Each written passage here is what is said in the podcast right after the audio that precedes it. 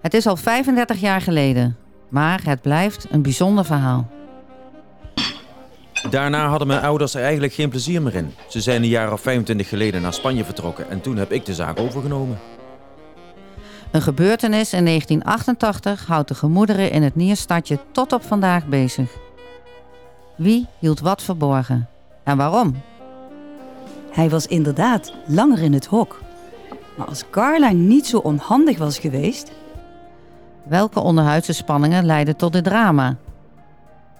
Nee, niet dus. Ik, eh, ik was al een tijdje verliefd. Smoorverliefd. Ik ben geloof ik nog steeds boos. En hoe zit het met de slachtoffers? Of de daders? Vind je het echt nodig om al die oude wonden open te rijten? Ineens, dan zie je een soort... eh, ja, een zwerver. We hoorden nergens mee bij. De meeste mensen lopen met een boog om in hen. Lange tijd heb ik dit verhaal verdrongen. Maar bij het overlijden van oom Gerard kwam alles weer boven en kreeg ik de behoefte, wat zeg ik, drang, om voor eens en voor altijd uit te zoeken wat er toen precies gebeurd is. Ach, stel je niet aan. Het is zo lang geleden.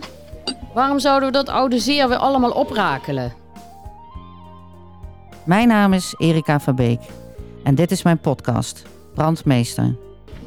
ik voel me hier heel erg ongemakkelijk bij hoor. Ach, lieve mensen, laat die brand toch achter jullie. Brandmeester is een speurtocht. Een podcast over jaloezie, verwijten en schuld. Maar ook over vergeving en vriendschap. Oei, spannend. Ik word altijd zo opgewonden van spannende dingen. Je hoort het al. Dit is een verhaal met veel verschillende kanten. Met net zoveel ervaringen en niet al te betrouwbare herinneringen. Ook mijn geheugen laat me na zoveel jaren in de steek. Wat is er precies gebeurd op die februariavond in 1988? Dat wil ik in deze podcast met de direct betrokkenen nu voor eens en voor altijd uitzoeken. Maar voordat ik daaraan begin, wil ik jullie eerst vertellen over mijn oom Gerard. Oom Gerard is een paar dagen geleden overleden en als een van zijn laatste familieleden heb ik hem nog bezocht. En hij begon over de brand in 1988. Ik dacht, laat ik eens iets leuks organiseren voor de jeugd. Zoveel was er toen niet te doen in Gennep. Oom Gerard was in 1988 leraar Nederlands en geschiedenis aan de MAVO. Hij was geliefd bij zijn leerlingen en was, ondanks dat hij vlak voor zijn pensioen zat, nog jong van geest. Een mooie discoavond met de schoolband in de zaal van Hotel de Pomp. Ja, alle leerlingen van de derde en vierde klas, die waren er allemaal bij. Hij was nooit getrouwd en had dus zelf ook geen kinderen. Maar hij zei altijd dat hij op school genoeg kinderen had. Zij gaven hem zijn levensvreugde. Ja, jonge mensen helpen in hun weg naar volwassenheid. Dat is het mooiste wat er is. Het geeft zoveel voldoening als je jaren later zo'n leerling nog eens terugziet en hoort wat er van hen of haar geworden is. Een fijn en gelukkig werkzaam leven dus. Totdat het noodlot toesloeg. Had ik geweten dat het zo zou aflopen, nou, dan was ik er nooit aan begonnen. Hoewel de beschuldigende vinger niet direct naar oom Gerard wees, heeft hij vanaf het drama tot aan zijn dood een groot schuldgevoel met zich meegedragen. Het was natuurlijk een ramp voor die eigenaren van dat hotel. Maar zeker ook een schok voor alle leerlingen. Ja. Het is nooit echt duidelijk geworden wie of wat nu precies de brand heeft veroorzaakt. Ja.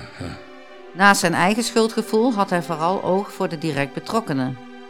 Ik weet dat na de hand een aantal leerlingen ook met vragen en schuldgevoelens rondliepen. En waarom? Waarom? en Harry de Ober. Ach, ach arme. Volgens mij wil je een beetje op Harry letten als je weer in Gender bent. Oom Gerard overleed, zoals ik al zei, een paar dagen geleden. En vooral zijn laatste opmerkingen hebben me getriggerd om na te gaan wat er 35 jaar geleden gebeurd is. Maar waar begin je dan? Bij de direct betrokkenen. Die wil ik graag allemaal eens te spreken krijgen. De meesten zijn echter al jaren geleden uit Gennep vertrokken. Studie, werk, ja, of misschien wel gewoon gevlucht. Voor mijn gevoel moet ik beginnen met het vriendenclubje uit de vierde klas. Dit was een tamelijk hecht clubje, waar ik toen best bij had willen horen. Maar ik kreeg nooit echt aansluiting. Zij waren misschien al verder dan ik, waar uitgaan, drinken, roken en alles wat daarbij hoorde bedoel ik. Een aantal namen kan ik me nog wel herinneren. Eens kijken. En je had Frits, de zoon van de hoteleigenaren. En Dorothee, lief en een beetje onzeker. Bea, oh ja, Bea. Die vond zichzelf heel wat. Grote bek, klein hartje. En Anton. Met Anton kon je wel lachen. Die zorgde altijd voor de sfeer in het clubje. En dan had je nog Carla. Een volstrekt eigengereid kind. Deed precies waar ze zin in had. Werd bewonderd en verguisd om haar opvallende kleding en haar. Ja, deze vijf moet ik als eerste eens zien te spreken. En ik heb al een plan.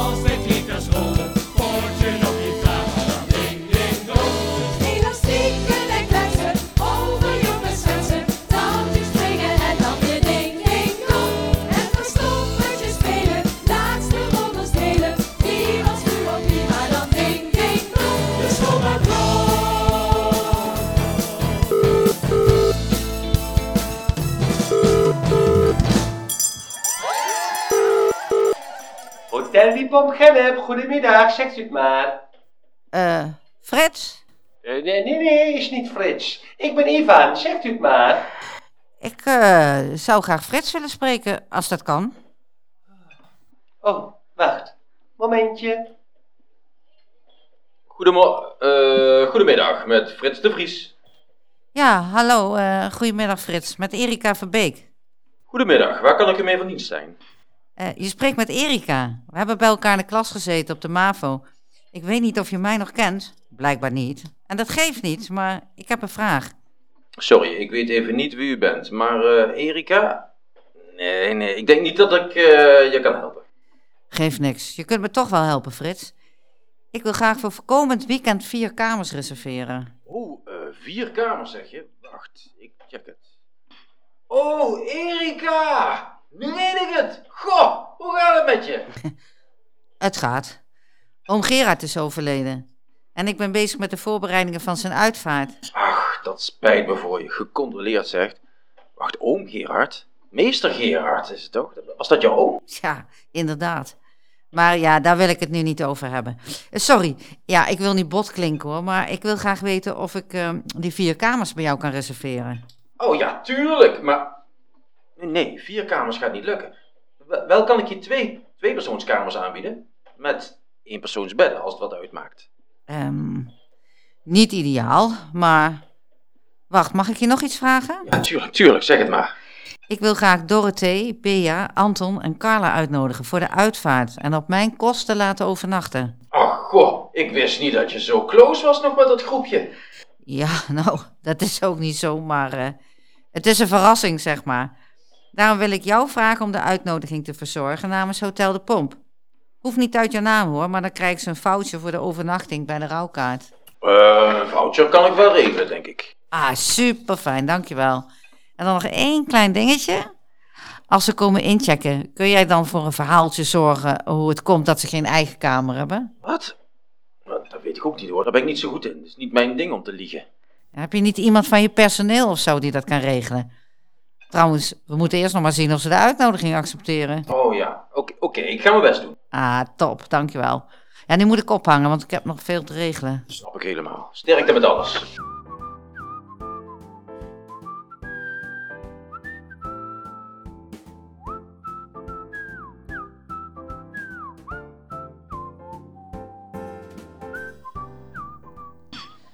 Mijn plannetje is geslaagd. Ze zijn alle vier op mijn uitnodiging ingegaan en verblijven het hele weekend hier in Hotel de Pomp. Wat goed dat Frits het zo heeft kunnen regelen. Ik heb bij de uitvaart Harry ook nog gezien. Ik schrok er eerlijk gezegd wel van. Dat was vroeger zo'n vlotte vent en leuk om te zien ook. En ik was niet de enige die dat vond. En nu, volgens mij, heeft hij veel geleden van de brand. Hem moet ik ook nog eens zien te spreken. Maar laat ik eerst Frits maar eens aan de tand voelen. Ah, daar komt hij net aan. Koffie, Erika? Oh, lekker, dank je. Hoe, eh, hoe gaat het? Denk je dat ze een vermoeden hebben waar de uitnodiging vandaan komt? Sst, nee, volgens mij niet. Die hebben geen idee. En jij? Ben je al wijzer? Hoezo, Frits? Is er iets dat jij me wilt vertellen? Bijvoorbeeld wat je in het voorraadhok deed, vlak voor de brand. Daar heb ik jou namelijk wel naar binnen zien gaan, maar niet meer uit zien komen. En ik heb je tegen de brandweer horen vertellen dat er kortsluiting geweest moest zijn. Wat bedoel je? Ja, of wat er waar is van de roddels, dat het voorraadhok niet veilig was. Of dat je ouders geldnood hadden en zelf de brand veroorzaakt hebben voor de brandverzekering. Oh, jij, jij. Ik dacht dat je alleen maar mijn hulp nodig had om die vier hier naartoe te halen. Maar voor jouw uitnodiging? Maar je bent hier gewoon om te provoceren. Rustig, Frits, rustig. Sorry. Ja, die uitvaart heeft me zoveel energie gekost. Sorry. Ja, ik had het niet zo moeten zeggen. Ik verzeker je dat het niet zo is. Kom, luister even. Even maar. Ik heb je toch verteld dat ik hier research kwam doen voor een project? Precies. Daar informeerde ik naar of je al wat wijzer was. Nou, ik doe ook research naar de brand. Ik wil eigenlijk een podcast maken over de impact daarvan. Ja, door het overlijden van oom Gerard. Weet je, vlak voor hij stierf heeft hij nog iets gezegd waardoor ik... Oh, sst, daar heb je ze. Ja, lekker. Koffie. Ja, dank je. Hier moest ik mijn gesprek met Frits jammer genoeg afbreken. Want mijn secret guests kwamen eraan. Aan zijn reactie te horen wil Frit- Frits eigenlijk niets meer van het hele voorval weten. Is hij bang voor de waarheid?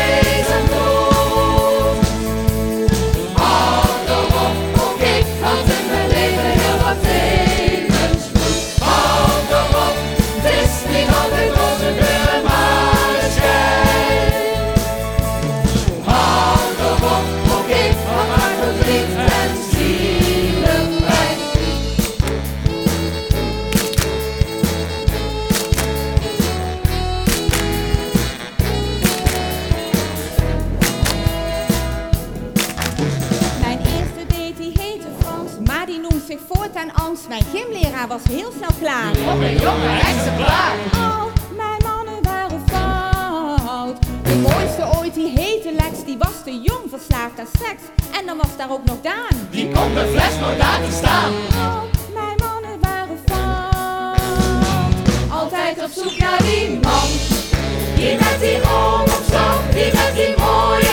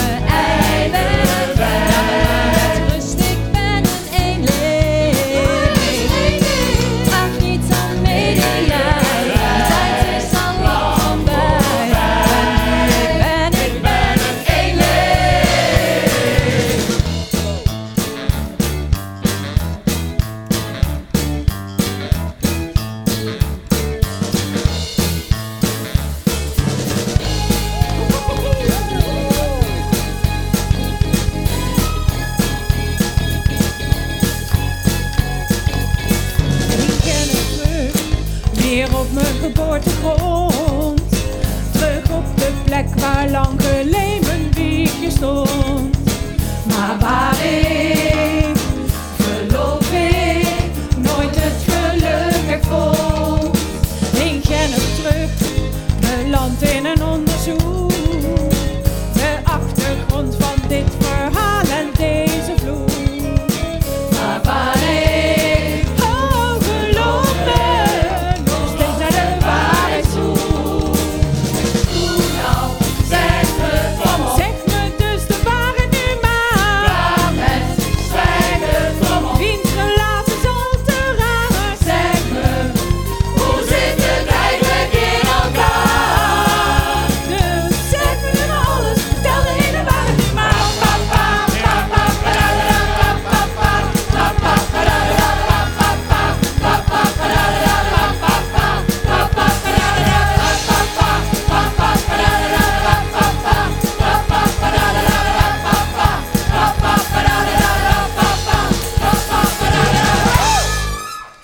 Bea, Carla, Anton en Dorothee hadden op dit moment nog steeds niet door waarom en door wie ze uitgenodigd waren voor dit weekend.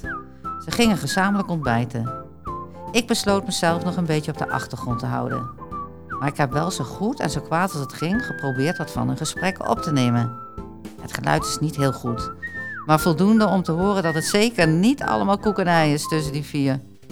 Hier wat fragmentjes die ik tijdens dat gezellige ontbijt heb opgevangen. Correct als altijd, hè? Niks veranderd, hè, Dorothee? Nou, daar hoef je niet op te antwoorden, hoor. Was een retorische vraag. Ik vroeg me af waar je tegenwoordig woonde. Ehm, waar ik woon, jeetje, in, ja, in Druten. Maar hoezo niks veranderd? En wat zei je daarvoor? Zo correct. Wat bedoel je daarmee? Ach, goh, laat gaan, zeg.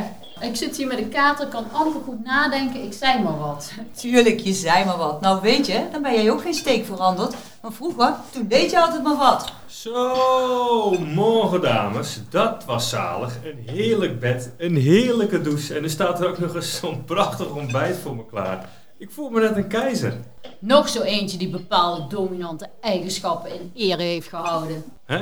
Wat? Ach, kom maar, Mr. Sunshine. Altijd vrolijk, altijd opgewekt, geliefd bij iedereen. Neem plaats, hè? Neem wat te drinken. Gaan we gezellig herinneringen ophalen. Nou, B, jij ziet er ook uit alsof je je laatste oortje hebt versnoept. Ja, dus ben ja. En hoezo? Wat bedoel je? We kunnen niet allemaal even zonnig wakker worden als jij, Anton. Anthony, hè? Eh, iets te diep in het glaasje gekeken misschien? Daar kon je vroeger ook altijd zo bloedzagrijnig van worden. Twee flessen B. Ben jij levensmoe of zo? Twee? Zijn het er wel twee? Ik dacht maar één. Maar doe maar niet zo schijnheilig op, Carla. We kennen je ook wel anders. Wat, Carla, drink jij niet meer? Dat klopt. Ben jij er zo eentje geworden? Van onbewuste meeroker naar een meedrinker naar bewuste geheelonthouder. Het kan verkeren zeg. Beter geheel onthouden dan helemaal nergens vanaf kunnen blijven. Hebben jullie je nooit afgevraagd waar Frits was toen die brand uitbrak? Ik bedoel, hij was bij ons in het voorraadhok. Maar toen wij eenmaal buiten stonden, was hij er niet meer bij. Ik bedoel er niks mee hoor, maar het was wel vreemd toch? Hoezo? Hij was inderdaad wel langer in het voorraadhok.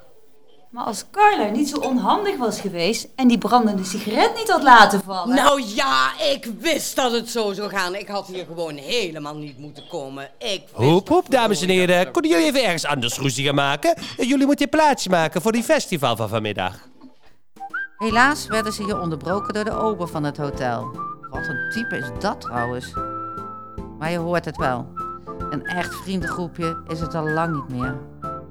Wel opvallend dat ook hier de naam van Frits weer valt. Zo gauw het over de brand gaat. Met hem ben ik nog zeker niet klaar. Al ging er ook een beschuldigende vinger naar Carla. Gelukkig deed er zich aan het eind van de middag meteen een gelegenheid voor om Frits nog eens te spreken.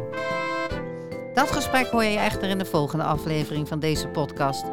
Daarin horen we ook nog meer van het vriendenclubje en krijg ik Harry eindelijk te spreken. Deel 2 verschijnt over een paar dagen. Houd de site en de socials van Revue Gennep in de gaten.